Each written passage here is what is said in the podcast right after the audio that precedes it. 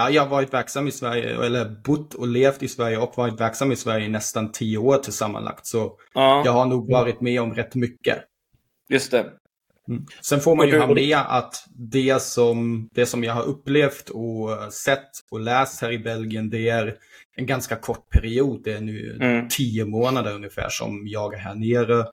Och ja, då får man ju ta det som icke, icke så re representativt nödvändigtvis eftersom, ja det är ju, jag är en del av Belgien, jag är en klubb av Belgien. Så jag har inte sett allt än. Nej, jag fattar det. Men, men eh, vi gillar ju att göra uppföljningsavsnitt också, så att om tio månader till så kanske vi bjuder in dig igen så får du, så får du prata mer detaljerat. Ja, det Eh, låter härligt. Men, men har du din grund i, i Tyskland eller? Och din fotbollsutbildning och sånt där? Nej, fotbollsutbildningen har jag gått till största del i Sverige. Jag har Okej. också gått eh, typ C-kursen i Tyskland. Men Okej. sen allt Okej. därefter, det har jag gjort i Sverige. Jag fattar. Okej. Jag fattar. Jag tänker att vi ska eh, dra igång och vi gör ju alltid det genom att eh, du Alex får, får liksom gå igenom din, ditt fotbollsliv lite grann. Hur det började, hur du kom till Sverige då och varför du kom till Sverige och, och liksom din fotbollsresa lite grann. Eh, brukar vi be gästerna att gå igenom. Eh, och sen kommer vi garanterat komma in på eh, jämförelsen Sverige-Belgien och massa andra saker såklart. Eh, för det är två jämnstora länder i alla fall utifrån liksom, population och invånarantal. Liksom. Eh, där vi ändå ligger, känslan är, brutalt långt efter. Eh, sen har väl Belgien fuskat lite med koefficientpoäng eh, genom åren och varit världsetta och sådär på grund av träningsmatcher mot Kap Verde och skit. Så att, ja, det är väl liksom eh, lite, lite sådär. Men, men eh, det går ju inte att liksom förneka att de har några av världens bästa fotbollsspelare haft det de senaste tio åren i alla fall, tycker jag. Ja, jag hört att du är bra påläst i alla fall. nej, det skulle jag inte säga. Jag killgissar mest. Men ibland hit- hittar jag rätt. Men Det som jag tycker är Eh, intressant är väl att de fortsätter att få fram ganska duktiga unga spelare som lyckas även när de kommer utomlands. Det, det är inte one hit wonder att de hade en generation utan det känns som det de, de, de har gjort någonting bra och de fortsätter göra det och det är väl det som jag tycker är intressant. Vad gör, kan vi kopiera Mm. någonting eller vissa bitar av det i Sverige och hur, hur gör vi då? Liksom? Det är det som Mm. jag tycker är intressant. Mm. Men har de någonting på gång nu? Alltså vad kommer underifrån? Ja, det tycker jag. Alltså, de på, särskilt på strukturell nivå gör de ju en hel del saker som gör att det finns en tuff konkurrenssituation som redan gör att det kommer komma fram fler spelare. Sparringen blir väldigt bra på det sättet. Eh, Alla eh, matchmiljön är väldigt tuff och väldigt svår. Utmaningsnivå är hög och det är klart att det sker en anpassning i kroppen då. Att det Mm. blir bättre och bättre med tiden. Och eh, ja, det leder ju till att spelarna har den, ja, den utvecklingsnivån som krävs för att kunna ta steget till seniorfotbollen här. Och så Mm. har de på sistone skapat olika, olika vägar in i seniorfotbollen genom att tillåta andra lag i seriesystemet till exempel. Mm. Just det, ja, vi, vi kommer komma in på det. Jag tänkte främst på, eh, på vad, om det är någon ung belgisk talang som man går miste om nu eller som jag inte tänker på. Doku såklart i, i City och eh, och Penda är väl inte så gammal heller. Eh, han Ja, är typ eh, 22-23. Jag tänker att men de är väl ändå inne i någon form av generationsväxling är de väl ändå inne i, i landslagsnivå. Eh, nivå, tänker jag. Absolut. Absolut. Ja, sen här på sistone i januari fanns det ju Arthur Vermeer nu som gick från Antwerpen till Atletico de Madrid. Mm. Mm. Mm. Nej, Just men det, det. känns som de är, går igenom en generationsväxling men, men de har ganska snabbt de här spelarna lyckats etablera sig, de här nya unga spelarna som kommer ut när de Ja. har lämnat Belgien, vilket jag tycker är...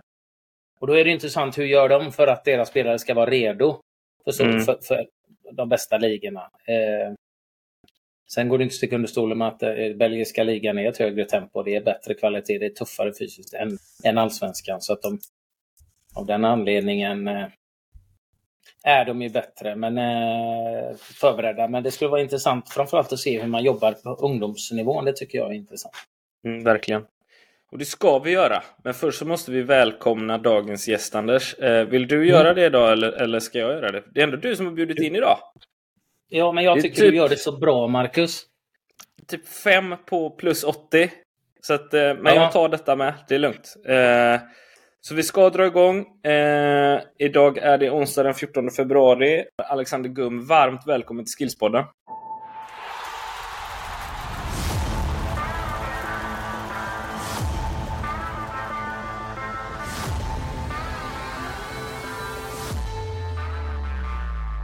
Tack ska ni ha. Sjukt kul att ha dig här. Bra scoutat Anders och tack Emil får vi väl säga också för eh, tipset va? Jättebra. Det, vi uppskattar det när våra lyssnare tipsar om, om eh, potentiella eh, intressanta gäster från, med olika perspektiv. Om det är en, en förälder till elitsatsande barn eller om det är en, mm. med detta fallet som har lite ja, insight liksom ur andra länder, ungdomsfotbollen både i Sverige och kontra andra länder. Så det, det eh, gör det till ett väldigt intressant eh, avsnitt tycker jag. Mm, helt klart. Eh, och innan vi går in på det så måste ju våra lyssnare också förstå varför vi tycker att detta på förhand verkar väldigt intressant. Så att, eh, jag tänker Alex att, att eh, du ska få göra som alla andra gäster och det är att gå igenom din eh, fotbollsresa och var det började och sådär. Du har ju varit verksam i både Sverige och nu i Belgien då bland annat. Eh, inte, var, du var aldrig verksam i Tyskland på något sätt eller? Jo, det var jag faktiskt. Ja, du var det? Mm. Mm. Snyggt. Ja, okej, okay, då drar jag igång. Alltså, så som jag redan sade lite tidigare, jag är född 1989 i Berlin. Och ja, det som händer sen när man växer upp som ung kille i Tyskland är ju att ja, man kommer i kontakt med fotboll väldigt tidigt och man måste spela. Och i mitt fall så blev det ju en, en passion som ja, fortfar fortfarande är igång än idag. Och gör att jag, var jag än har varit i Europa har jag hållit på med fotboll på ett eller annat sätt. Jag har själv spelat tills jag var ungefär 15-16 år gammal. Sen la jag av eftersom ja, det fanns andra intressen och för att vara helt ärligt, jag var inte tillräckligt bra för att gå hela vägen. Nej. Um, jag spelade i något större kvarterslag där jag bodde och det laget har då regelbundet slussat vidare spelare till Union Berlin till exempel. Um, men ja, det var inte då, eh, jag då i alla fall. Och eh, Ja, året 2010 så började jag plugga vid Humboldt universitet i Berlin och vid den tiden började jag också träna ett fotbollslag för första gången. Och det var då på gräsrotsnivå, 6-7-åringar, absoluta nybörjare.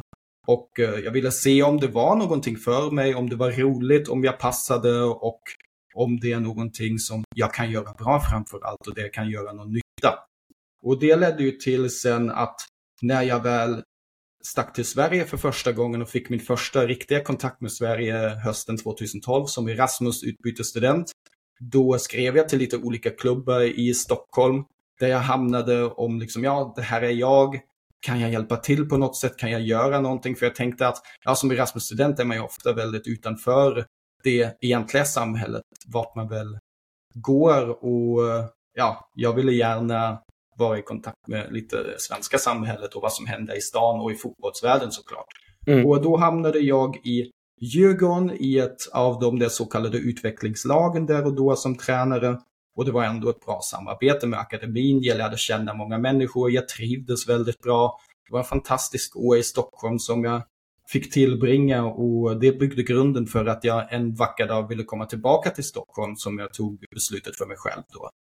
Och eh, så fick jag åka tillbaka till Berlin, fullföljde då lite studier i ännu ett år och var då tränare tillbaka i den klubben som jag själv spelade för. En eh, på Berlin heter den, för att nämna dem också. Mm. Och vid den tiden var det ett U12-lag och eh, där var vi väldigt, väldigt duktiga i Berlin-mått mätt. Alltså, det är ju Berlinska fotbollförbundet, det är också regionalt, det finns mer än 20 eh, ja, regionala förbund i Tyskland liksom i Sverige. Och eh, där var vi på Berlinnivån väldigt bra, mötte Hertha, mötte Union, åkte på lite kupper här och där och ja, där var det några spelare som det året sen efter eller lite senare gick till Union till exempel. Det var någon också som kom till U17-landslaget men det blev inget, inget proffskarriär än i alla fall. Um, ja, sen hösten 2014, jag lyckades ta mig tillbaka till Sverige, till Stockholm pluggade vid Stockholms universitet, pluggade vid GH i fortsättningen Och hela tiden vid sidan av så höll jag på med fotboll och mestadels det i Djurgården då. Eh, I akademin, mestadels åldrarna 10 till 12. Vid Engelbrektsskolan jobbade jag lite också. Och eh, när jag var klart med plugget så kunde jag sedan börja som fotbollskonsulent i Sundbybergs IK och hade framförallt hand om gräsrotsåldern, 59 år, mm. åldersspannet. Men ja, som konsulent man håller jag på med allt möjligt i den miljön och det är ju en fantastiskt liten förening, eller stor förening i Sundbyberg, måste jag väl säga. Och ja, sen fick jag komma tillbaka för ännu en session i Djurgården och sen fick vi också beskedet, jag och min partner Amanda, att hon fick hon blev erbjuden ett jobb här nere i Bryssel och då sa vi ja, det, det ska vi satsa på. Mm. Självklart. Och så följde jag med henne ner till Bryssel och det hände då i våras i fjol. Och eh, så försökte jag att ja, integrera mig så bra som möjligt i samhället, plugga holländska, plugga franska, lära känna Belgien och sökte fotbollsjobb och fick till slut möjligheten att komma in i den flamska klubben Kavi Mechelen och deras U11-lag, det är pojkar 2013. Och det är mm. de som jag tränar tillsammans med min skickliga kollega Wouter um, här nu tre gånger per vecka plus matcher på helgen. Och sen för någon vecka sedan började jag också en praktik vid Double Pass som också råkar sitta i Mechelen. Så för mig blir det nu 67 dagar i veckan tåget till Mechelen från Bryssel och ja, det är tydligen en världsstat när det gäller fotboll, har jag, lärt, har jag fått lära mig. Mm. Mm. Mycket bra. Jävla resa. Eh, finns ju hur mycket saker som helst att prata om och det förstår säkert alla lyssnare nu också. Eh, kort sammanfattning bara eh, så att eh, alla är med på det. Jag tror inte att alla vet vad double pass är. Eh, har Nej. du möjlighet att förklara den? Ja, absolut. Eh, det började för drygt 20 år sedan som ett studieprojekt eller ett researchprojekt vid eh, universitetet i Bryssel och där försökte de ta reda på, ja vad är det egentligen för faktorer och kriterier som gör att en akademi blir väldigt bra och ungdom, ungdomsspelare utvecklas i vissa, på vissa ställen. Och det ledde till att det utvecklades till ett auditföretag som gör bedömningar, bedömningar på ja, som gjorde bedömningar på fotbollsföreningens ungdomsverksamhet. Och det ledde till, det ledde till att de skapade bland annat certifieringsprojekt i Tyskland eh, bland annat, men också här med Fotboll Flandern. I Flandern jobbar de, det är, för, det är förbundet för delregionen Flandern i Belgien, det gör de fortfarande. Men så har de också expanderat till utbildningsinnehåll.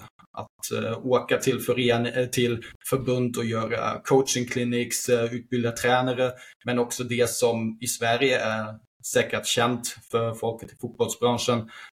De, akademi, eh, akademicheferna, sportdirektörer, där finns det kurser också för att ja, skapa en helhet, en filosofi i en förening och i en akademi. Okej, okay, fattar. Eh, mycket bra. Vad, eh, om vi börjar då med, med vi börjar med Berlin nästan. Hur, hur var liksom, i vilka åldrar var du där sa du? Um, de åldrarna som jag hade, det var för det första gräsrotsnivå. Det var vid den tiden, när var de födda? 2003 tror jag, 2002 födda. Mm. Um, ja, men de var 6 och 7 år gamla då och uh, den andra sessionen den är lite mer intressant utifrån utvecklingsperspektivet eftersom då var det verkligen ja, uh, grabbar som ville komma så långt som möjligt inom fotbollen och det var ett hårt satsande lag. Födda 2002 då U12-året. Mm. Mm. Just det. Ja. Vad, jobbar man på, något, på, på olika sätt med, med gräsrotsnivån i Tyskland kontra hur man jobbar i Sverige tycker du? Ser du några stora skillnader där? Inte egentligen. Eftersom det är, det är också på gräsrotsnivå väldigt mycket ideella tränare som behövs för att få det hela att gå runt. Det är inte så ofta att man verkligen har välutbildade tränare på gräsrotsnivån. Det är, liksom, det är samma fluktuation som sker i Sverige. Det är föräldrar som kommer in, det är föräldrar som strömmar ut och så finns det ibland ja, unga killar som, och, och tjejer som, ja, i mitt fall då, som testar på via den vägen och sen, ja, det här är någonting för mig, jag vill gärna fortsätta. Det finns mm. massa utbildningsinitiativ av tyska fotbollsförbundet för att sprida kunskap så bra som möjligt. Mm. Men i, i grunden är det, ja det kanske, det kanske finns lite mer fotbollsplaner i storstäderna, vågar jag påstå. Men ja, sen handlade allting om att spelarna ska strömma till de här eh, Nachwuchsleistungscentrum, till de här ja, um, um, ja, elitcenter, prestationscenter som varje stor klubb måste ha för att mm. få licens i de högsta ligorna. Och ja, där finns anställda tränare, det finns internatslösningar, det finns, ja, man försöker att rikta de unga spelarna mot dessa klubbar för att de ska kunna komma fram. Man ville inte längre missa någon slags talang. Det var direktivet efter den usla eh, EM 2000, 2000 i Belgien och Holland. Mm. Och ja, så då byggde man det där systemet. Alla klubbar måste ha de här prestationscenter, de här eh, akademierna och de började man också certifiera vid den tiden och ja, för att helt enkelt på strukturell nivå säkerställa att vi missar ingen, vi skapar bra sparring, vi skapar bra, prestation, äh, skapar bra träningsklimat, vi skapar bra tävling och så lär, det komma, lär folk komma fram, det är 80 miljoner så ja, det mm. finns tillräckligt många och det gjorde ju tricken sen till slut och mm. hjälpte till att det blev en vinst i VM 2014. Mm. Just det. Om vi, om vi hoppar vidare till Sverige då, eh, där, vi, där vi utgår ifrån Anders, får man väl ändå säga. Eh, även om vi älskar att jämföra med andra och sådär för att se vad man kan copy-pasta, om det, om det finns någonting eh, som man kan copy-pasta i alla fall. Så är ju vi lite oroliga för svensk fotbollsutveckling generellt sett. Hur ser du på svensk fotboll eh, och, och dess utveckling? Ja, den är oron, den den är lätt att ta vara på eller att, att, att, att uppleva och se eftersom det räcker ju att gå in på någon fotbollsmediasida på nätet så ja, då, då händer ju det. Sen har det kommit någon poddserie här. Ni eh, bryr er och försöker att lära er så mycket som möjligt och få in folk som kan försöka hjälpa till och berätta. Så det är ju det är väldigt påtagligt att folk bryr sig väldigt mycket om svensk ungdomsfotboll eller svensk fotboll i en helhet. Det skrivs väldigt mycket, det är väldigt viktigt i mm. nyheterna. Mm. Och det i grunden är ju vad jag upplever helt fantastiskt eftersom det finns en vilja till förbättring, en vilja till förändring där den behövs och anpassning av det systemet och de strukturerna som man har. Mm. Sen är min upplevelse också att det blir lite, blir lite för negativt ofta. Mm att man försöker att, att presentera svensk fotboll som sämre än den egentligen är. För man får ju, jag tycker inte att man, att vi får glömma att det är fortfarande en självklarhet för ett ungt svenskt barn att börja inom fotbollen. Och, eller i organiserat idrott i alla fall. Och förr eller senare är det många som spelar fotboll. Så an, alltså, graden av unga tjejer till exempel som spelar fotboll i Sverige är väldigt hög när man jämför dem det med andra länder och andra ja, kulturer. Och eh, sen har man det samma på killar. Det finns här i Stockholm nu där det går att anmäla fyraåringar till organiserad fotbollsträning. Alltså det, det är väldigt, väldigt lätt att komma i kontakt med fotbollen. Det är väldigt lätt att börja. Det är väldigt lätt tillgängligt i mm. grund och botten. Och det i sig är fantastiskt. Det är väldigt många människor som engagerar sig inom fotbollen. Det, när, du, när du sätter upp ett lag för de här nybörjarna så har du alltid några föräldrar i gruppen som till slut räcker upp handen och vill vara ledare.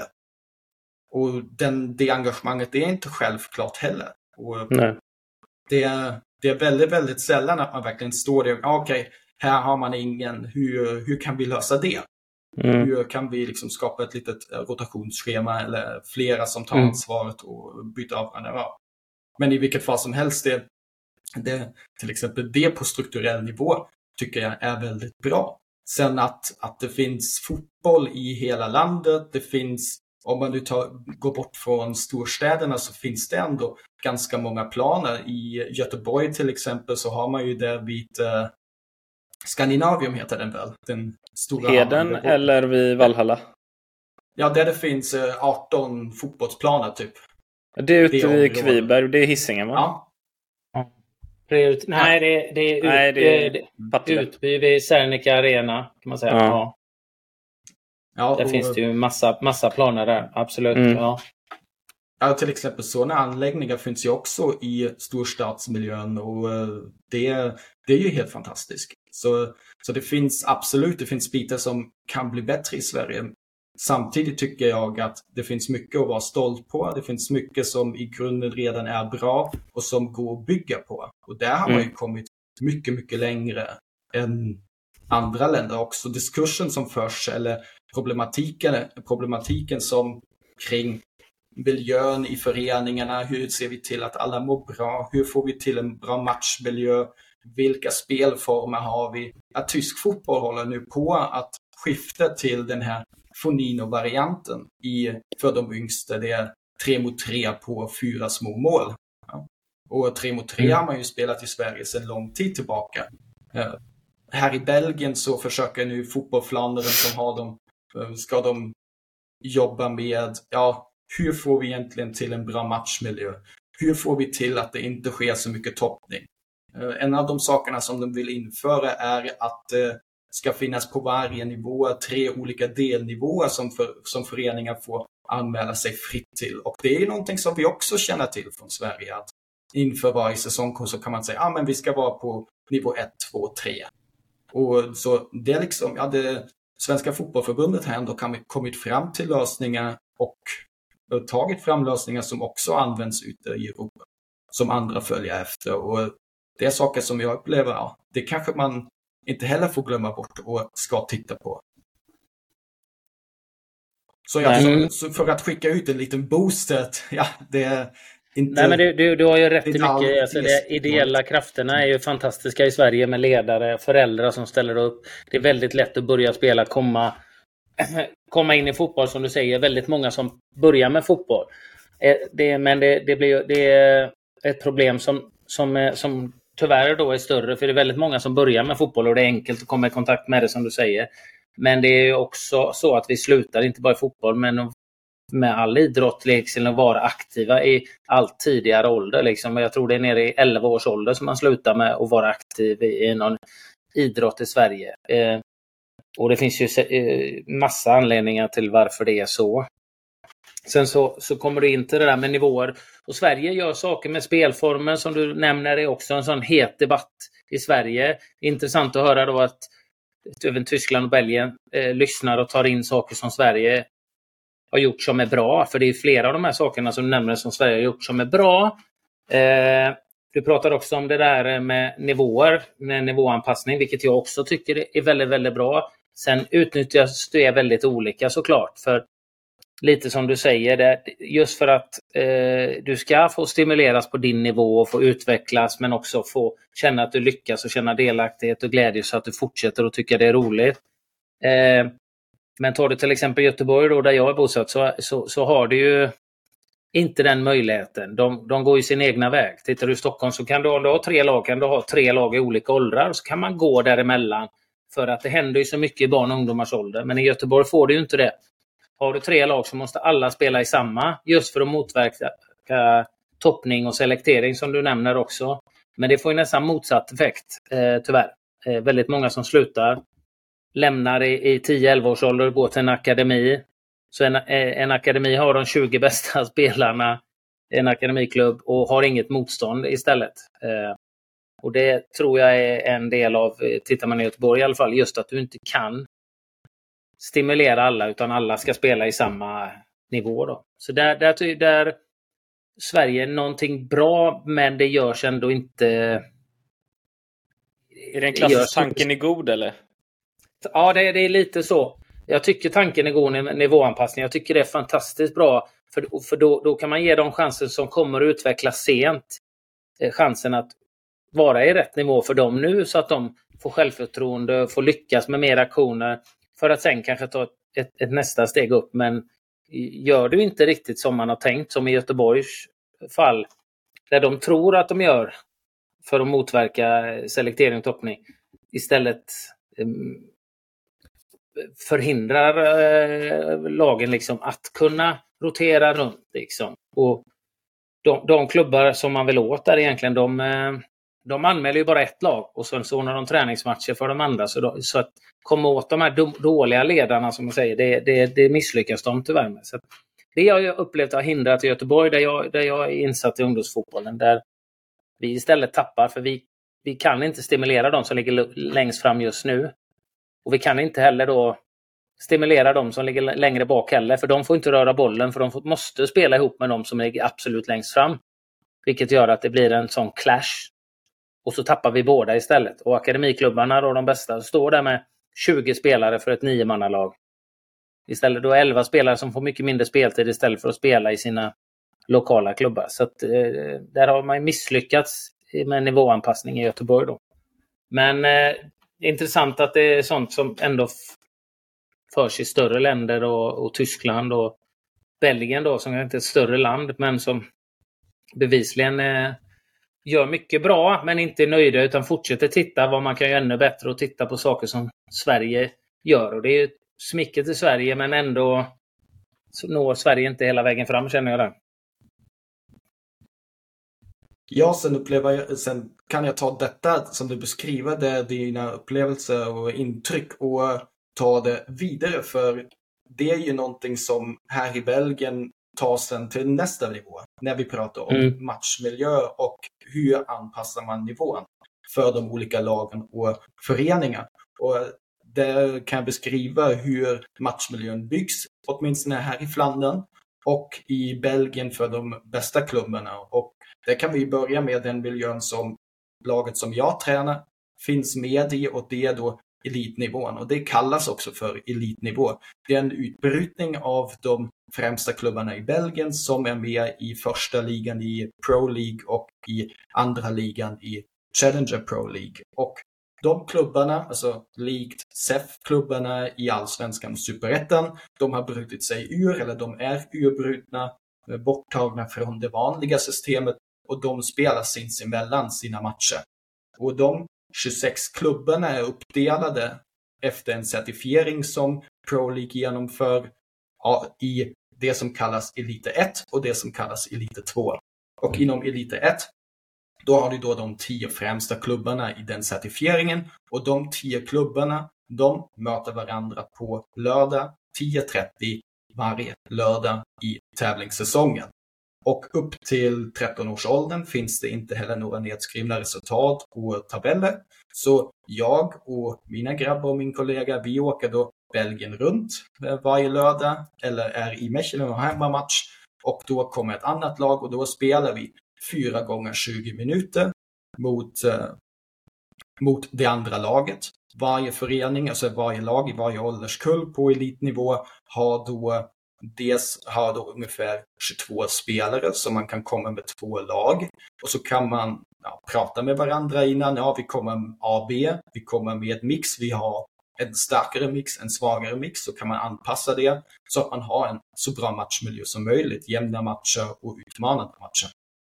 Och ja, det gör vi då i, i varje vecka inför varje helg. Ehm, och då får man ändå se till att de tio bästa klubbarna, det är väldigt, väldigt bra matchmiljö. Eh, vi har, mm. ja, det inget, inget att sticka under stolen med. Och sen de andra 16, där har du ju ändå vissa nivåskillnader. Där har du akademier som skulle kunna vara med i Elite 1-nivå, men du har också de andra ligalagen som är lite resurssvagare, som har kommit upp från tredje ligan exempelvis. Och där finns det lite, ja, lite skillnader i alla fall i nivå, men även där går det att skapa en ganska bra matchmiljö utan problem. Och där är det samma system. Alla möter varandra, du har 30 matcher, 2 gånger 15 och så, ja, så, så är det det som gäller. Och eh, vill du, vill du möta något lag från de andra nivåerna från ja, den traditionella fotbollen så får du arrangera träningsmatcher eller så får du åka på kupper och möta dem där. Så, men det är också, det gäller åt, för, åt andra hållet är det ju också så att de traditionella lagen, de får inte möta Club Brygge, de får inte möta Anderlecht i seriespel. Så det är alltid en avvägning. Vad vill man ha? Vill man mm. ha en bra kompetitiv nivå? Eller vill man att alla ska få möta alla? Att det är ja, tillgänglig och kunna spela mot alla. Vad tycker du där? Ja, för de spelarna som finns i laget som är tränare, de har en fantastisk matchmiljö. Vi ser deras utveckling. Så för våra särintressen är det väldigt bra. Sedan är det, ja, följdfrågan är, vad, vad tycker vi rent etiskt moraliskt om det? Och där, det är absolut inte optimalt eftersom du har då barn som väldigt sällan får, som det är i Sverige, att även om jag är i en liten förening, om jag är i Sundbyberg så kan det hända att jag på helgen får möta ett AIK-lag, ett Hammarbylag och sen få åka hem och säga till mormor och morfar, ja ah, men eh, jag fick, jag fick möta AIK. Spelar ingen roll om det är lag 1 eller lag 27 i, ålders, i årskullen. Men det är, det är en häftig upplevelse som gör fotboll lite, ja, det skapar motivation att drömma också.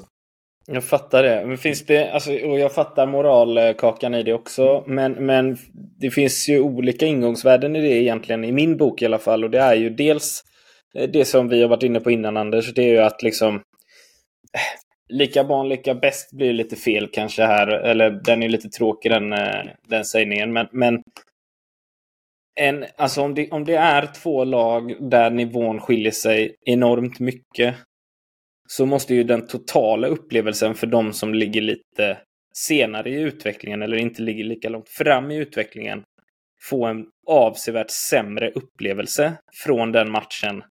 Även om man då säger sig ha fått möta AIK och det har varit jättehäftigt. Men man åker hem och har fått stryk med 12-0 liksom. Eh, mm. den effekten tror jag blir mer negativ än positivismen eller positiviteten i att ha fått möta AIK till exempel. Jag, jag vet inte, var står ni där? Men det tror jag i alla fall. Eh, Fattar ni vad jag ja, menar? Man vill ju ha jämna matcher. Det är därför jag var lite så intresserad som Alexander som du säger att man har kontakt med ledare innan om vilken nivå man har. Om man har delat upp det i två jämna mixade lag det, det, den dialogen ska ju finnas i eh, Sverige också, men den följs ju inte riktigt. Utan väldigt många vill ju gärna vinna och säger att vi kommer till ett eh, svagare lag och sen så kommer de med alla sina bästa. Ja, när alla, de, alla de som var tänkt skulle spela blir sjuka. Eh, och så är de jättenöjda med att ha vunnit. Men, men eh, eh, det som jag... En, en fråga här är liksom om man har, eh, som i Sverige, jag kan ju någonstans gilla det liksom. Lite som vi pratade med Pontus Wernbloom, en spelare som spelade i Kongahälla. Som hade ett väldigt, väldigt bra lag i hans ålder då, född 86. Det, det, det, existerar liksom inte i, i, i Belgien då på det sättet att det finns ett, ett okänt lag som inte tillhör de här eh, 26 lagen. Som kan ha, är, är det någon spelare som är bra i, i ett lag, då försvinner de direkt till de här akademierna. Och då kommer ja. du till det här problemet. Hur, hur blir det då om, om, om du tar Anderlecht till exempel, om de, om de har de vi tar 12-åringar till exempel, eller 11-åringar. De, de har de 20 bästa 11-åringarna i liksom eh, hur många av dem får, är det många av dem som får lite speltid då? Eller hur, förstår du vad jag menar? Lite som jag säger, ja. om vi har IFK Göteborg, nu, nu, säger jag inte att det är som IFK Göteborg, men vi säger i och med att det är den största klubben i Göteborg ändå, där jag, där jag bor. Om de har de 20 bästa och det är 9 som startar, vad händer med de andra 11? Är det bäst för deras utbildning att ändå vara där och träna eller är det bättre för dem att vara i en, i, i, i en annan klubb i Sverige? Eh, det kan ju jag ja. tycka, men i Belgien är, fungerar det inte riktigt så då, tänker jag. Ja, jag Får alla de här 20 spela? Ja, jag håller på att scrolla i mina anteckningar här för att eh, jag känner att en sån fråga skulle kunna komma. Eh, mm, ja. Speltidsmässigt så vi gör det så att alla får spela minst 50 minuter av de 80 minuter varje helg. Ja. Sen kan du som spelare påverka det. Om du gör en väldigt bra prestation av dig så kan du få spela längre. Om du är en spelare som har kommit lite längre så kan det hända att du får spela lite längre. Alltså det kan man ändå anpassa och beroende på hur många spelare som man har i truppen den dagen.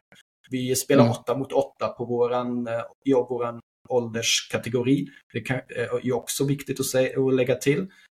8 eh, mot 8 som i Sverige är på 9 mot 9 första året, så på en planhalva av en 11 mot 11 plan. Eh, om man tar bort målvaktsområdet och den förlängda mm. linjen. Så det är storleken. Men, och det får man också lägga till, det är då regler och mått som gäller på Elite 1. Om man går ner till den traditionella fotbollen, till näst lägre nivå, så är det lite andra mått, så är planen lite mindre och det finns lite andra regler. Till exempel de gör inkast, vi dribblar in från sidan. Som är okay. en sak, så där görs ju också lite skillnader. Sen eh, speltid försöker vi fördela så jämnt som möjligt och vid andra matcher så får de som har spelat lite mindre mot de tuffare lagen spela lite längre så får vi försöka jämna ut det i längden. Eh, så bra mm. som det går naturligt, naturligtvis. Eh, sen det andra som du pratade om Anders med vad, hur rör sig spelarna och så vidare. Det måste man ju ha med att Belgien är ett otroligt litet land. Eh, om jag här i Bryssel kliver på tåget så tar det en timme så är jag i Liège som är den största klubben i Vallonien, i fransktalande Belgien och ja, så, så är man där. Så kan man, om man åker med bil så tar det 10 minuter från centralstationen. Om man eh, tar en buss så tar det 25 minuter ungefär därifrån. Det gjorde jag i höstas. Det var också väldigt kul att upptäcka. Eh, så som jag brukar göra, att åka borta, mm. matcha alltid med tåg och kommunaltrafik för att se lite av landet istället för att eh, åka ja. med någon annan. Ja. ja. Och åker, jag, åker vi västerut till Kortrijk eller norrut till Brygge så är det en timme som gäller. Så allting mm. är väldigt nära. Du, ja. Landet är inte så långt. Det längsta som du kan åka är om du bor i Liège och vill till västra, västra eh, Belgien eller norra Belgien. Då är det en gång tvärs genom hela landet. Och det tar mm. då ja, max två timmar. Mm, så det måste ja. man alltid ta med. Och det gör att klubbarna vet för det första exakt vem som finns överallt. För det finns scouter på plats från tidig ålder. Um, det finns, uh, ja, via, via Double Pass har jag lärt känna någon som jobbar för de yngre ålderskategorierna i Anderlecht som scout och bland annat, ja, på den här helgen ska jag åka på lite gräsrotsmatcher U9 och scouta spelare för Anderlecht. Så, ja. så det systemet är in place, det finns. Eh, Belgien är inte stort som land. Det leder också till att föräldrarna genom att åka en timme bil kan åka till vilken klubb som helst och släppa barnet för träningen. Så vi har en spelare nu som har varit i en, som bor i Bryssel här också, men som har spelat i Brygge innan. Och det är en timme med bil, eh, en, en färd, om, om man har lite kö också, om man räknar in det. Och som, som nu är i Mechelen, som är en halvtimme borta typ därifrån de bor. Och ja, det, är, det skapar ju också en frihet där. Så jag får jag inte tillräckligt mycket med speltid och är tillräckligt bra att gå någon annanstans, då kan jag göra det. Så det är inte, det är inte så att någon förening kan ja, äh, ta alla de bästa och ja, göra det. För som sagt, Utan att ha en tydlig plan. Erbjuder inte du tillräckligt mycket bra som förening så lämnar spelarna. Så mm, där mm. finns det en konkurrenskraft som jämnar ut det. Men det är också oss emellan, de här stora klubbar, större klubbarna emellan. Och där är ju oss kanske också lite, eh, lite stort sagt för Mechelen, vi, vi märker av att de stora klubbarna är på våra spelare. Vi vet mm. detta. Vi har scouter på alla våra matcher från de föreningar. De, de känner nästan till våra spelare bättre än vad vi gör kan, mm, man, mm. kan man säga. Så mm. det, det jämnar ut sig och de spelarna på lägre nivå som är bättre, de plockas upp av de större klubbarna.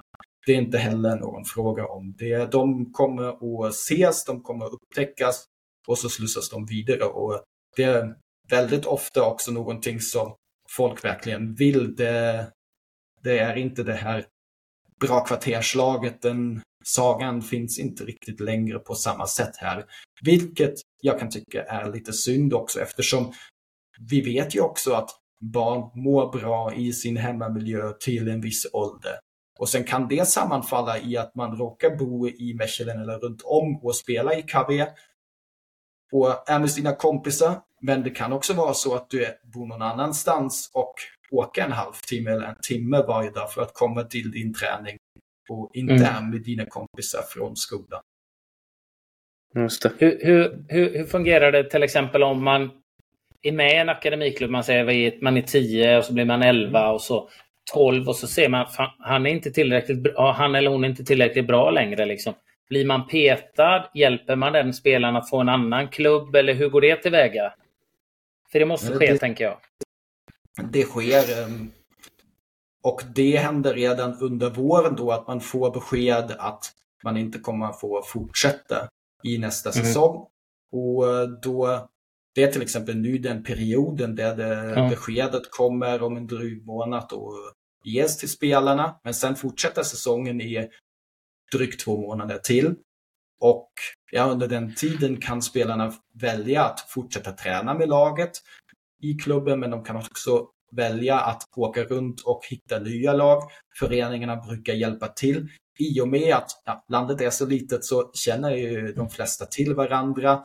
De mm. större klubbarna har alla koordinatorer också som kan hjälpa till på eh, där i den biten. Och ja, men här klubb A, klubb A släpper en spelare så finns det ändå, ja men de här brukar vara bra, den, de här har vi bra förtroende att kunna gå till den bra miljö eller de här så kan du gå till den föreningen i lite två, den här på nästa lägsta på nästa lägre nivå och så det finns ändå. Men ja, det är klart att det är ett väldigt, väldigt tufft besked. Det ska man inte förminska. Nej, och jag tänker det att man kan ju följa, följa upp den spelaren också, för det kan ju vara så att den tänker jag rent krasst, precis som i Sverige, att den kanske eh, har någon fotboll i sig, men den inte, har inte utvecklats fysiskt. Så, så att det är bättre att gå till en annan klubb för att förhoppningsvis utvecklas bättre där och sen då har man, tänker jag det är bra att ha en bra dialog med den spelaren för det kan ju vara aktuellt att den spelaren exploderar på ett, två år i sin fysiska mognad och, och, och man vill ha tillbaka den spelaren så det gäller det att man gör det på ett snyggt sätt, att man har bra kon eh, bra kontakt då med den spelaren. Och det, det leder ju mig in på en annan sak just det där. Rätta mig om jag har fel, men var inte Belgien en av de ansvariga att starta det här med Future Team? Har jag fel då? Som finns i Sverige, just det här med fysiskt sent utvecklade. De var åtminstone väldigt som, tidiga med det va? Ja, och i Sverige har det blivit det nu. Det har ju blivit, var det förra året som det var premiär med med ett är det U15-landslag med, med fysiskt, ja, duktiga fotbollsspelare men som är fysiskt outvecklade, inte eh, eh, lika fysiskt långt fram. Och, och, just den biten tycker jag är väldigt intressant i fotboll och jag kan uppleva i Sverige att vi ofta tittar på de som är bäst här och nu. För på grund av kanske att ledarna inte har de egenskaperna och kunskaperna att kunna se spelare som har, enligt mig, de viktigaste egenskaperna med eh, med, eh, med spelförståelse och andra saker. Men de löser inte sina aktioner för att de är fysiskt långt efter. Och det beror ju nog ofta på att vi har väldigt många ideella föräldrar som är ledare i Sverige då. Men jag har bara en känsla eh, att, att man har jobbat ganska mycket med det. Man har ju hört historier i Belgien innan om Hazard bland annat, att han och så vidare. de som var fysiskt efter kanske spelade med sådana som var i sin fysiska ålder istället för de som var i sin kronologiska ålder just för att se att de skulle utvecklas. Eller hur jobbar man med sådana saker i Belgien? Har du, in, har du hunnit skaffa dig insikt om det än? Absolut. Um, det kan jag ju inte svara på. Den första frågan om Belgien var först. Eh, att de var väldigt tidigt ute i det, det vet jag också bland de första. Men huruvida den där processen kom igång och vilka som hittade på det, det kan jag tyvärr inte svara på. Däremot kan jag absolut beskriva situationen som eh, finns nu och vad de tänker göra åt det när det gäller den relativa ålderseffekten som du ändå prata om där. Och eh, det, jag tror absolut inte att det handlar om de ideella ledare eller utbildade ledare som kan göra någon skillnad där eftersom det är en, det är en helhetsbild som vanligt och det som leder till att de tidigt födda eller tidigt utvecklade spelare, oftast är det samma sak men inte alltid, att de hamnar långt framme och får väldigt mycket uppmärksamhet i en sport som fotboll. Som, fotboll är ju alltid relativt. Det, är du är du snabbare än din motståndare? Ja, jättebra. Är du starkare än din motståndare? Ja, jättebra. Du behöver inte vara starkast, men starkare än den som du har framför dig. Så om du, om du är då väldigt stark och väldigt snabb och fysiskt utvecklad, ja det hjälper ju såklart. Det vet vi ju allihopa. Eh, och här kan jag ju säga nu, vi har 14 februari här idag. Och här i Belgien så har man ju alltid när någon fyller år så tar man med lite, lite chips åt hela laget och lite, eh, i Sverige är det smakis som man skulle dela ut.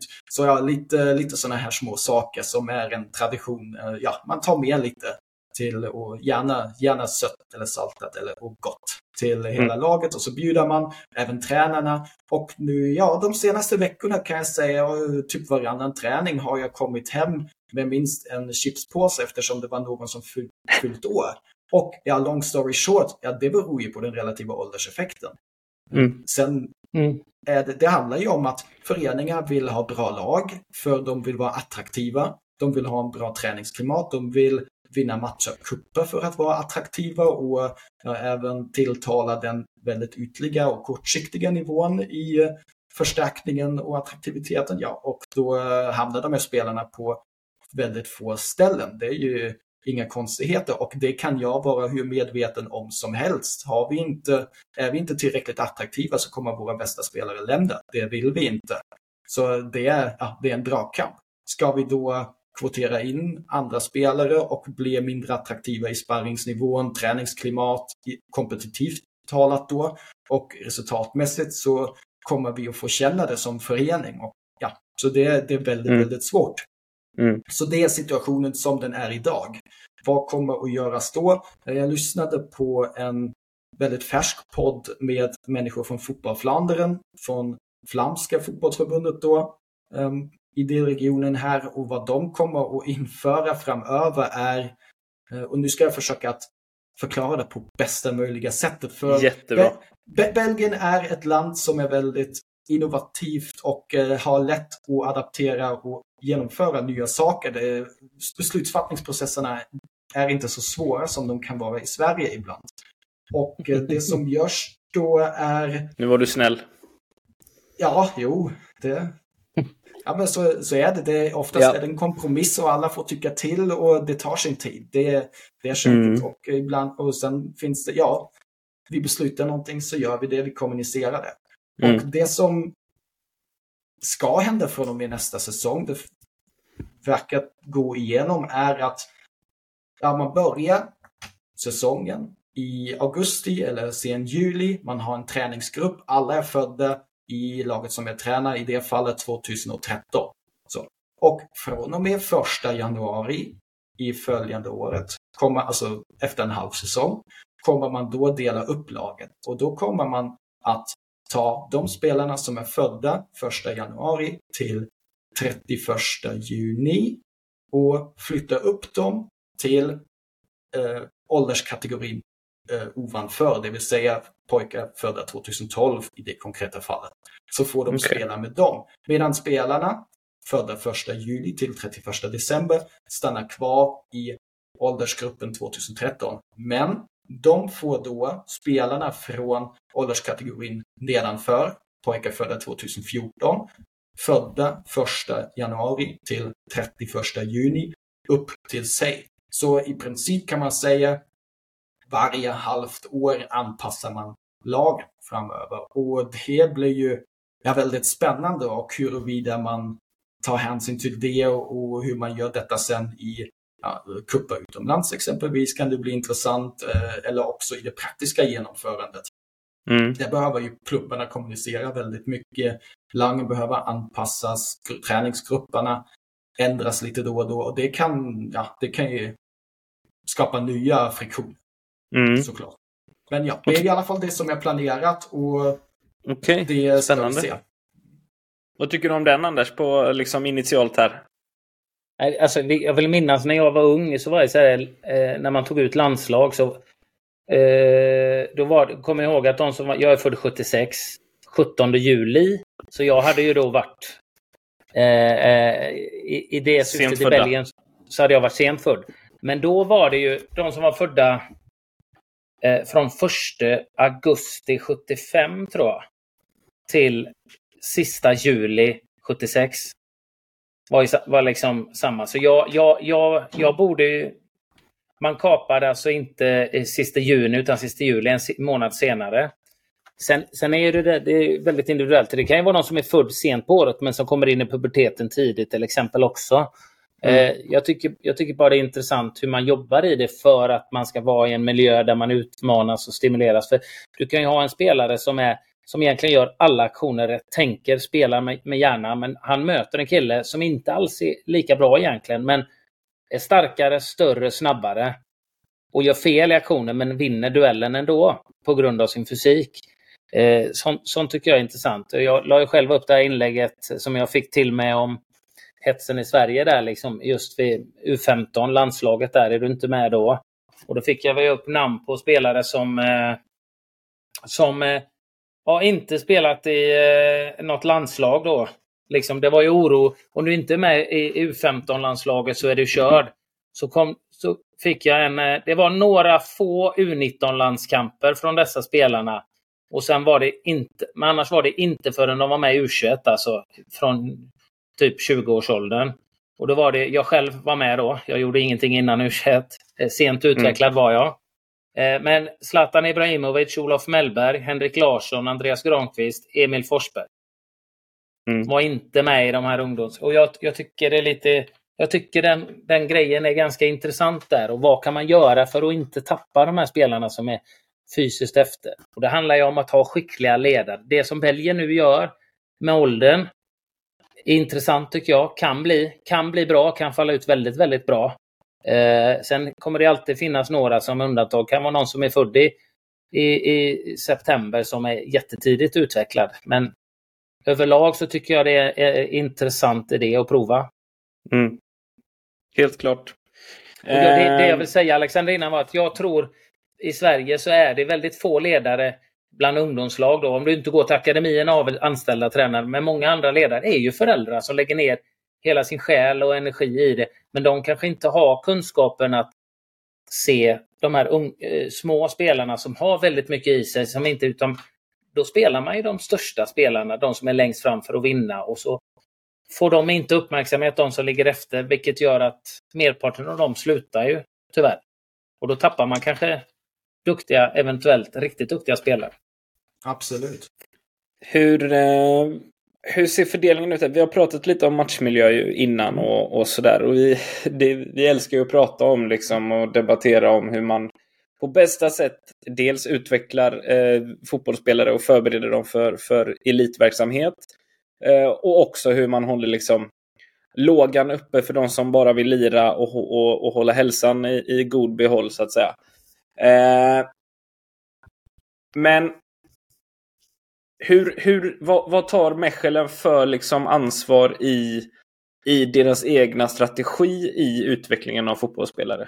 Har, har ni väldigt fria tyglar i, i ditt lag och, och liksom får göra vad ni vill och blir fokuset då på att vinna matcher eller utveckla spelare? Hur ser det ut liksom? Ja, det är lite, lite blandat fokus. Eh, det finns ju, i och med att man är, inte är en av de topp 6-klubbarna som finns i Belgien så behöver man ju hävda sig lite grann. Och mm. det är ju på enklaste sättet att ja, lägga ut på sociala medier att ja, nu har det varit fantastiska motståndare som har varit på besök. Eh, som till exempel nu i söndags så organiserade vi en matchsammandrag och så kom det eh, Genk från östra Belgien. Så kom det Ajax Amsterdam med två lag och så kom det OSC Lille från eh, flamska Frankrike. Och Ja, då, eh, det är ju fantastiska matcher. Det är ju supersvåra, superbra matcher för mm. de eh, spelarna. Och eh, där är det ju absolut att vi behöver tävla. Vi behöver vara så bra som möjligt för att kunna mäta oss med dem. Och eh, sen finns det ju andra matcher och kupper där det är lite mer, här ser vi det som en inlärningsmoment. Till exempel alla, eh, alla ja, ligamatcher som vi har mot de andra belgiska lagen brukar vi se som inlärningsmoment. Det, barnen vet vad det blev i slutet. Det är absolut inte första utvärderingsmomentet. Det kanske hjälper till att beskriva matchbilden lite då och då. Men i grunden handlar det om vad gör vi? Hur gör vi det? Vad kan vi göra bättre? Hur kan vi optimera våra processer och hur kan vi följa våra spelidéer och våra principer på ett mm. bättre sätt? Och hur påbörjar vi det på nästa måndag. Så det är liksom det, är det när det gäller kring matcher. Mm. Uh, sen i träning så har vi, vi tränar tre gånger per vecka. Vi tränar i det här lagets fall måndag, onsdag och torsdag. På måndag och torsdag är det 90 minuter. Där har vi en hel planhalva på en 11 mot 11 plan på måndagar och på torsdagar är det en, antingen en planhalva och ibland en hel 11 mot 11 plan. Mm. Um, på onsdagar så får man ju lägga till att i Belgien är det korta skoldagar på onsdagar vilket gör att vi kan börja träna klockan två på eftermiddag. Och då mm. är det inomhus. Vi spelar 45 minuter futsal. Därefter är det 45 minuter med en fystränare som lägger upp ett program för den eh, allmänna koordinationen för att ja, bjuda på den här multilateral development momentet också och ha med detta. Sen tar vi 45 minuters paus och börjar en till träning där spelarna jobbar i ett specialiseringsmoment. Det har vi i början av året tagit fram olika spelarprofiler, till exempel Kevin De Bruyne, Erling, Haaland, eh, Trent Alexander-Arnold, Bellingham, så lite profiler. Um, spelarna fick då i början av året välja tre stycken av dessa och så delar vi in dem i olika grupper och så jobbar de i dessa grupper i små grupper med oss tränare. Eh, en onsdag är jag en Bellingham-tränare, en onsdag är jag en Kevin De Bruyne-tränare. Och då har vi definierat de här rollerna och lägger upp en träning där de här momenten förekommer så ofta som möjligt och att vi kan coacha i dessa så att spelarna känner någon slags egen, eget ansvar för sin utveckling men också kan få påverka sin utveckling på ett visst sätt inom ramarna. Och där kan vi verka så fritt som möjligt så länge vi följer föreningens direktiv och i utbildningsplanen följer vår spelmodell och våra spelprinciper. Så det är liksom inga konstigheter med det. Måndagsträningarna kan vara, äh, brukar vara lite mer implicita, så det är mindre spelformer, det är lite mer öppet äh, vilka beslut spelarna kan ta, mycket mer smålagsspel. Och så är det oftast så att vi tränar tillsammans i åldersgruppen i U11, U12 eh, Blandar spelarna i grupperna lite fritt, lite efter några parametrar. Och eh, så har vi varje första måndag i varje månad så har vi en så kallad DNA-cup där spelarna delas in i lag, spelar smålagsmatcher, samlar poäng över hela säsongen och i slutet korar vi en vinnare eh, som har liksom flest poäng beroende på ja, matchresultat i det här fallet, vilket är att införa ett tävlingsmoment, eh, ge dem lite mer frihet i eh, de här små matcherna och mm. så får de extra poäng om de följer föreningens ja, lite mer ja, DNA, liksom, som att när de visar att de är en riktig Kavi Mechelen-spelare. Mm. Um, och eh, på torsdagar är vi lite mer explicita. Då är det, kan det bli väldigt mer styrt att vi är i ett moment och säga, ja men du är den här positionen, du har den här rollen, dina uppgifter är detta, du är den här positionen. Ja, och nu spelar vi utifrån det. Och säga mm. att ja, nu är vi tre anfallare eh, mot tre försvarare i speluppbyggnad, eh, i hur vi skapar en målchans och skiftande momentet, alltså motsatta momentet, speluppbyggnad sen efteråt när, vi, när, vi, när målvakten räddar bollen så att man kan matcha dem. Och så har vi alltid eh, teman på de olika veckorna. Så det, det finns styrning och det finns eh, förutsättningar där eh, hur vi ska göra det. Men det finns också en frihet för oss tränare att göra det. Men det viktiga är att detta program, den håller vi oss till varje vecka av året. Så det är, något, det är, liksom, det är också det som styrkan ligger i att det är någonting uh, som vi kan göra bra över tid, som vi kan upprepa och på det sättet också utvärdera bättre. Det är inte att ah, men den här veckan faller träningstiderna på det här sättet eftersom det faller mycket snö eller eftersom uh, vinnarhallen är uppbokad, uh, vi har bara en fjärdedel här. Vi, så, så det är väldigt mycket återkommande. Mm, jag fattar. Vad eh, upplever du det, det, det, måste skilja sig lite där i sättet att jobba eh, kontra hur man jobbar i Sverige, eller? Det känns mer strukturerat och det känns som att det finns en, en långsiktig plan på ett annat sätt i hur man tränar och vad man fokuserar på och sådär. Ja, det beror på varje klubb. De föreningar som jag har varit i har utifrån sin nivå och sina målsättningar haft planer att följa åt. Sen är det ju, jag var ju lite jag nämnde det lite nu i förbifarten med att ah, det kommer mycket snö, det är någon plan som är uppbokat eller dubbelbokat. Det är liksom sådana saker som händer lite mer i Sverige eftersom det är svårare för klubbarna att styra. Men på vår akademi då är det bara våra lag. Det är, mm. inga, det är ingen annan som kommer. Och sen där får man också lägga till, vi har inte världens största akademi liksom, med 12 planer. Utan nej, vi har, vi har en anläggning som en mindre anläggning med två konstgräsplaner. Och sen är vi på onsdagar på en annan anläggning som är en stor anläggning, ja, multisportanläggning med lite hallar med lite eh, friidrott också. Och där finns lite fler fotbollsplaner där vi, där vi är på onsdagar. Så, hur långt, inte, hur långt ja. ner i åldrarna har Mechelen eh, lag? Vilket är det yngsta, yngsta åldern? U7 tror jag. 7. För där, där är ju ett stort problem. Så dels vädret men, och det finns inte hallar i Sverige. Och just även, även de största klubbarna i Sverige har ju inte liksom så att de, ja men vi har alltid träningsplaner, det är inga problem mm. för alla våra lag. Det finns ju inte utan det är ju ofta delar ju de träningsplaner, framförallt de yngre lagen, med andra eh, lag i kommunen och, och, då är det ju beroende av eh, det finns väldigt få. Du får ju dela på planerna. Det finns för lite mm. planer för ett antal lag och, och sen vädret då som påverkar. Eh, det, det, är ju det är ett, problem och det verkar ju som du säger, ni har ingen jätteanläggning men det är ändå bara ni, era klubbars lag som mm. spelar där vilket gör att ni har ju ganska klart, okej okay, de här tiderna har vi.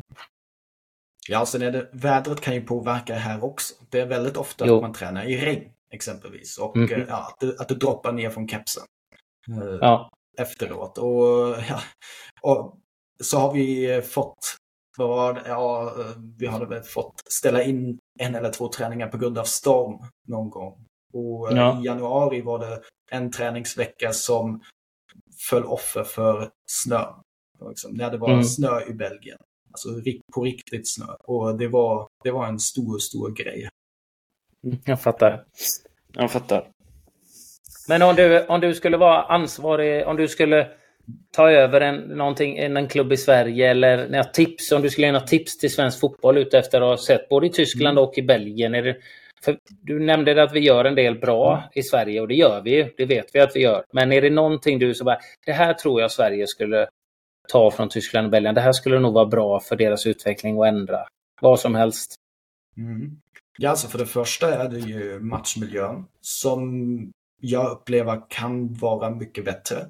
Eh, det är ju, det räcker ju att kolla till, jag, jag har mina erfarenheter från Stockholm. Det händer ju detta med att ja, lagen får anmäla sig till nivå lätt medel svår i de flesta ålderskategorierna och att hitta en bra referens det är ju väldigt svårt för både ledare men också koordinatorer som jobbar i föreningen eftersom det, jag håller på x antal timmar i veckan i min förening hur ska jag veta hur bra nivå det är i de andra klubbarna och vilka de kommer med? Så det tar alltid lite tid tills alla har hittat sin, sin nivå, mm. tycker jag. Och ja, det, ju, det går ju även upp i åldrarna och att man hamnar där på fel nivå. Så jag skulle rekommendera klubbarna att, särskilt de som inte är i storstadsmiljön, att hitta några klusters av för andra föreningar och avtala jäm, matcha jämt. Att ha det som, nu beskrev jag detta, ja men vi har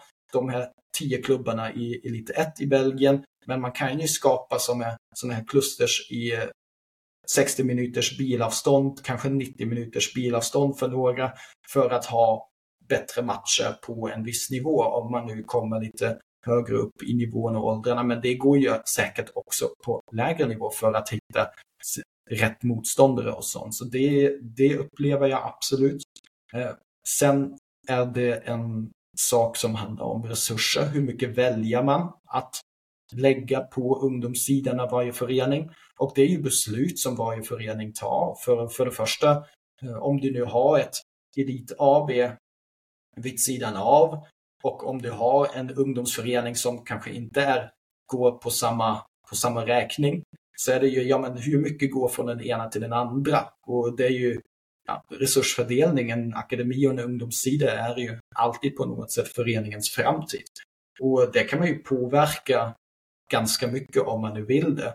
Och det tror jag också att alla medlemmar i föreningar, om det nu är en fråga som ligger så varmt om hjärtat för väldigt många människor så finns det ju medlemsmöten där man kan påverka en föreningsstrategi. Där man kan påverka hur klubben ska ta beslut. Och ja, försöka att få in, ja men vi vill ha x antal spelare från egna ledet till A-laget. Och det, det kan ju vara på, det fanns i Sundbyberg till exempel att det var nedskrivet, det är nedskrivet ett visst antal i, en, i ett strategidokument. Och det, jag ser inte hur det är omöjligt i de andra klubbarna att utnyttja föreningsdemokratin för att förbättra eh, ja, det som människor vill. Och det gäller väl för fotbollsförbunden också. Även där kan man ju påverka genom föreningsdemokratin och få det med det hela att bli mer levande. Mm. Ja, och till slut är det ju alltid utbildning, utbildning, utbildning. Det är kunskapen om hur man tränar idrott, om hur man har en bra miljö, hur man är bra människor mot varandra. Så det är ingenting som är specialkunskap eller hemlig kunskap som förs vidare från statsminister till statsminister, utan det är någonting som, som är känt. Alltså, hur principerna för bra träning, alltså de allmänna träningsprinciperna som lärs ut i, på GH till exempelvis, det är, det är ingenting som är, ja, det är principen om superkompensation, det är principen om variation, det är principen om eh, ja, och några fler om, om, om eh, att stimulit för anpassningen ska vara på rätt nivå och så vidare och så vidare. Det finns flera till där. Att det, det är ingenting som, som är nyupptäckt eller att folk kommer och, ja men vi har en ny metodik, vi gör någonting som ingen annan gör. Det är lite, ja, jo, nej det är marknadsföring. Det är inte, du har inte mm. upptäckt fotbollen. Den falska nian spelade ungan med under 50-talet och så vidare. Så alltså även de här taktiska trenderna, det är, det är inte så mycket som verkligen är super, super nytt. Sen absolut finns det saker, ja här kan vi få synergieffekter mellan olika delar, vi kan förbättra helhetsbilden och sånt. Men i grunden är ju fotboll är en sport och en sport kan du träna och det är, det är bekant hur man kan göra det på bra sätt. Det är implementeringen och tillämpningen i vardagen, att göra det återkommande på ett bra sätt över tid att skapa bra processer. Att skapa det som en helhet i varje förening. Det är där det kan bli bättre överallt i världen. Det handlar inte om bara Sverige. Så, ja, och sen på mikronivå så är det ju, ja vad kan vi göra för att underlätta för människorna i praktiken? Eh, till exempel, vi har en fysioterapeut alltid tillgänglig på anläggningen när vi tränar. Eh, när en spelare får en smäll eller får ont eller innan eh, har känt av någonting eftersom den har ramlat i skolan eller vad vet jag. Så kan den gå till den, eh, till den eh, fysioterapeuten som finns eh, alltid på anläggningen. Och det är, det är också sådana grejer som gör att ja, men, skapa en väldigt bra apparat runt, runt ja, spelarna på planen. Och det tror jag att man kan tillämpa väldigt mycket på många olika nivåer ändå. Mm. Fattar. Sjukt intressant. Eh, Anders, har du någonting mer? Annars börjar programtiden eh, lida mot sitt slut. Det ser ut som att mm. Alex även, eh, även gurglar en del i sina dokument där. Han kanske har någonting extra som han vill plocka fram. Ja, alltså det, jag har ju eh, förberett lite mer, det är klart, men det är ju, ja, det ska ju passa in i samtalet såklart också. Så det... ja, men har du något intressant som du vill ta upp? Det är jätteintressant att höra dig prata. Du har ju som sagt mm. varit med och du ser hur det funkar. Eh, vi är, vi är ju intressanta av att höra att du delar med dig av dina erfarenheter och kunskaper. Så att, har du någonting som du tycker är intressant i, i sammanhanget att ta upp så får du jättegärna göra det. Du har skrivit ja, så... ner i dina dokument. Mm. En sak som brukar komma upp är ju också övergången till seniorfotbollen. Mm. Väldigt mm. ofta i diskussionen. Och vad gör vi egentligen? Vi har en jättebra utbildning till U19 eller U18 eller vad nu sista året må vara. Och så ska man sen ta steget till seniorfotbollen. Sen är det ju ja. ändå så att de spelarna vid 19-årsåldern, där får vi ju också ha med att det finns de, de som är fortfarande tidigt utvecklat då, är de som är mm. mest redo för seniorfotbollen. Och så finns ja. det fortfarande många spelare som inte är helt klar för den övergången. Och eh, där har man nu här i Belgien i alla fall på sistone integrerat de andra lagen, i de flesta fall U21-lagen, i, i ligasystemet. Det är ju någonting som inte sker i Sverige som um, finns delvis jättebra anledningar till och delvis är det, ja det är synd för de unga, spel, unga spelarna. Um, man försöker ju komma åt det till exempel genom satsningar som HTFF eller klubbsamarbeten, Malmö Olympic, BK, eh, BK Olympic, sorry. Sådant. sådant. Och eh, här gjorde man så att ja, inför förra säsongen integrerade man fyra lag i andra ligan. Man höll ju redan oavsett på att göra om liga i ligasystemet, så då kunde man slänga in dem där också helt enkelt. Ja. Um, Ja, som jag sa, det, det sker förändringar lite flitigt och den som vill ha kul kan ju försöka att grotta sig ner i hur man tar fram mästaren och de som åker ut i de högsta belgiska ligan. Det är också lite, lite kul eh, att ta en stund. Um, och så har man de här fyra lag från Genk, Anderlecht, Standard Liège och eh, Brygge som spelar i andra ligan nu. Och sen har man de andra lagen i längre ner i seriesystemet. Kavi Mechelens andra lag spelar i fjärde ligan till exempel. Och, Men man spelar seniorfotboll liksom? Precis, och det gör ju någonting med en spelares utveckling. Det skapar ju också ja, eh, incitamentet för föreningarna att ha proffsiga andra lag på den högsta nivån.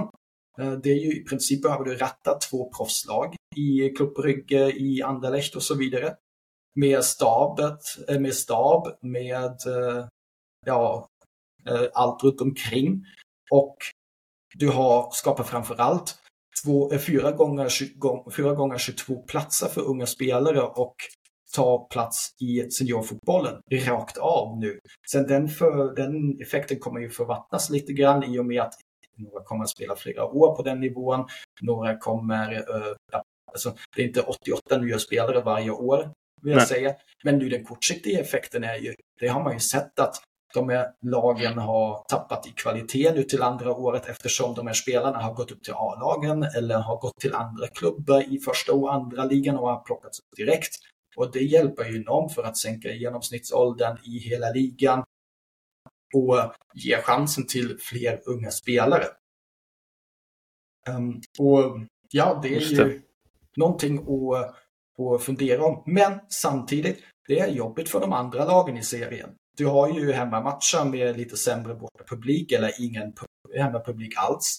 Eh, nu i somras hade man ju i Belgien till och med diskussioner med eh, de som rättade tv-produktionen eftersom för först ville de inte sända de matcherna där andra lagen är med.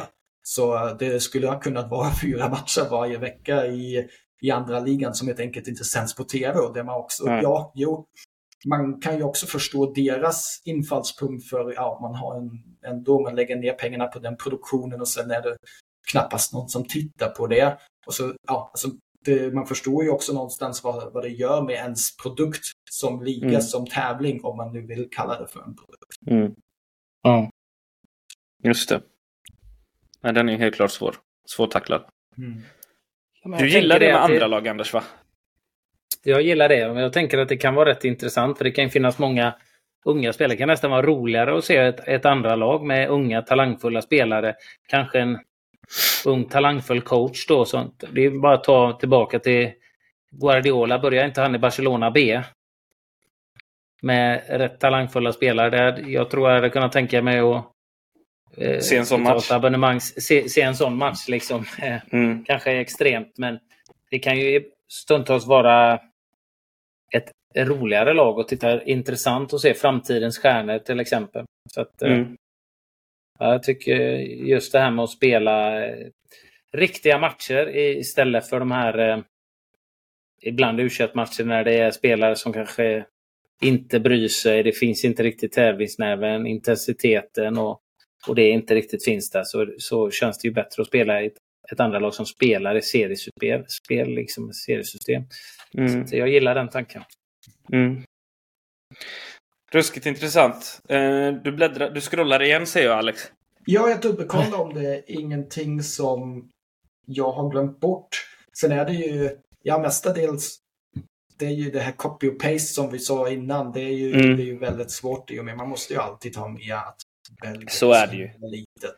Så ja. det kan inte, det här med, kan inte, även att bryta ut SEF-klubbarna och säga, ja men nu spelar vi bara ungdomsmatcherna mot varandra. Och där får man ju ändå lägga till det som jag inte nämnde innan, att när, när laget som jag tränar möter sin motsvarighet i den andra klubben 10.30 varje lördag, så gäller ju samma sak för, för U12-laget och mm. senare på dagen för U15 och U16 av samma mm. förening. Så då är det ju också mycket enklare att, att ta en stor buss, stoppa in alla spelare, yeah. släppa dem, ja. etc. Och sen åker man tillbaka. Och eh, på söndagen eller på andra anläggningen så är det sen att ja, då kommer de andra lagen, U13, eh, U14 och sedan U18 och spelar mm. sina matcher. Och det mm. tycker jag också är en tanke som är ganska bra i och med att man, ja, man vet att på den dagen är det alltid Mechelen mot Genk. Mm. Och eh, sen ett halvt år senare är det Genk Mechelen och då vet man vart man ska åka. Sen en annan lite rolig sak som jag som tränare ändå uppskattar otroligt mycket är eh, här finns det alltid en liten mottagning efter matcherna för tränarna. Mm. Så för hemmaföreningen har då alltid ett litet rum där man bjuder på dryck och lite eh, smörgåsar för tränarna så att de kan sitta, prata om matcherna efteråt, eh, analysera, reflektera, komma i samtal med den andra föreningens tränare också. Och att det är någon kultur kring detta också. Det, det gör man mm. tillsammans alltså? Ja, precis. Och sen sitter, man alltid, sen sitter man inte alltid blandat utan man sitter med sitt, e sitt eget gäng och sånt. Ja, men i grund och botten är det ju ändå en, en kamratskap. En liksom, ja, men vi, vi håller på med samma sak och mm. det är en, en slags respekt och uppskattning gentemot tränarna av den andra mm. föreningen mm. också som jag tycker är väldigt viktigt.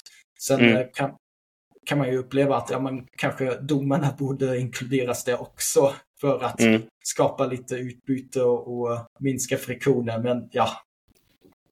Den tanken gillade jag. Det var jävligt mm. bra faktiskt. Alexander, du, du hade nämnde... inte klarat av att sitta i samma rum som en annan tränare från en annan förening, Anders. Inte direkt efter match. Uh, jo, det tror jag nog jag hade löst. Uh, och dom, dom, domarna också. Alexander, jag, tror jag tänkte på det. en serie. Ja. ja. Alexander, du sa det innan, eh, eh, likt Sverige, eh, om jag förstod dig rätt, att man inte har några resultat och tabeller förrän det året man fyller 13. Är det korrekt? I Belgien också? Eh, japp, det stämmer. Det... Och det, det, går också att se till exempel om man, om man går in på Instagram på Mechelens akademi så hittar man ju varje uh, varje helg. Ja, så här spelade våra ungdomslag och så är det ju U13 uppåt med resultat. Men U12 och U11 inkluderas aldrig i detta. Nej. Det har också varit en het potatis i Sverige just det där med att man inte får vinna. Men du var inne på det, nämnde du också, barnen har ju, barnen och ungdomarna, alla har ju järnkoll på hur det har gått i matcherna oavsett mm. Om det förs upp i tabeller och, och, och annat. Så att, eh, intressant. Ja. Mm. Ja, ja det, det, är ju det som du säger med att det är att en het potatis. Det är ju en viktig poäng som jag kanske vill skicka med också. Att ja, det, det är lite samma diskussioner som förs här på förbundsnivå eh, som i den här podden som jag beskrev att jag lyssnade på som förberedelse. Att eh, ja, det hur, gör vi, hur förhindrar vi utklassningar på lägre nivå? Hur, vad gör vi när det är ett lag som vinner 12-0 och vad, hur kan vi förhindra det? Um, hur, gör vi, hur påverkar vi beteendena vid sidlinjen? Hur skapar vi bättre respekt mot uh, domarna?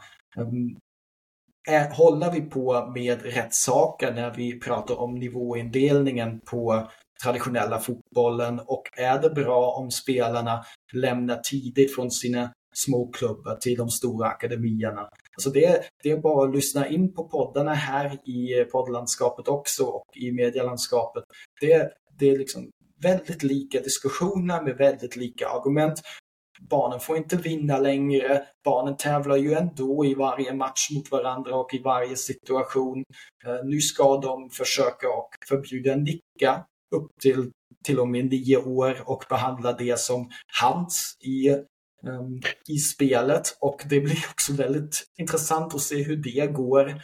Och, ja, för att skydda barnen uh, så att de får mindre smällar på huvuden.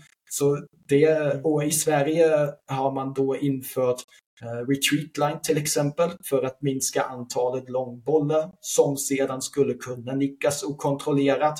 Uh, så alltså, tankegångarna diskursen, argumenten, det är väldigt likt oavsett vart man går. I Tyskland nu, när man vill införa den här Fonino-grejen utan stora mål för de yngsta barnen. Och det, ja, herregud, vi kommer ju aldrig mera få några bra målvakter.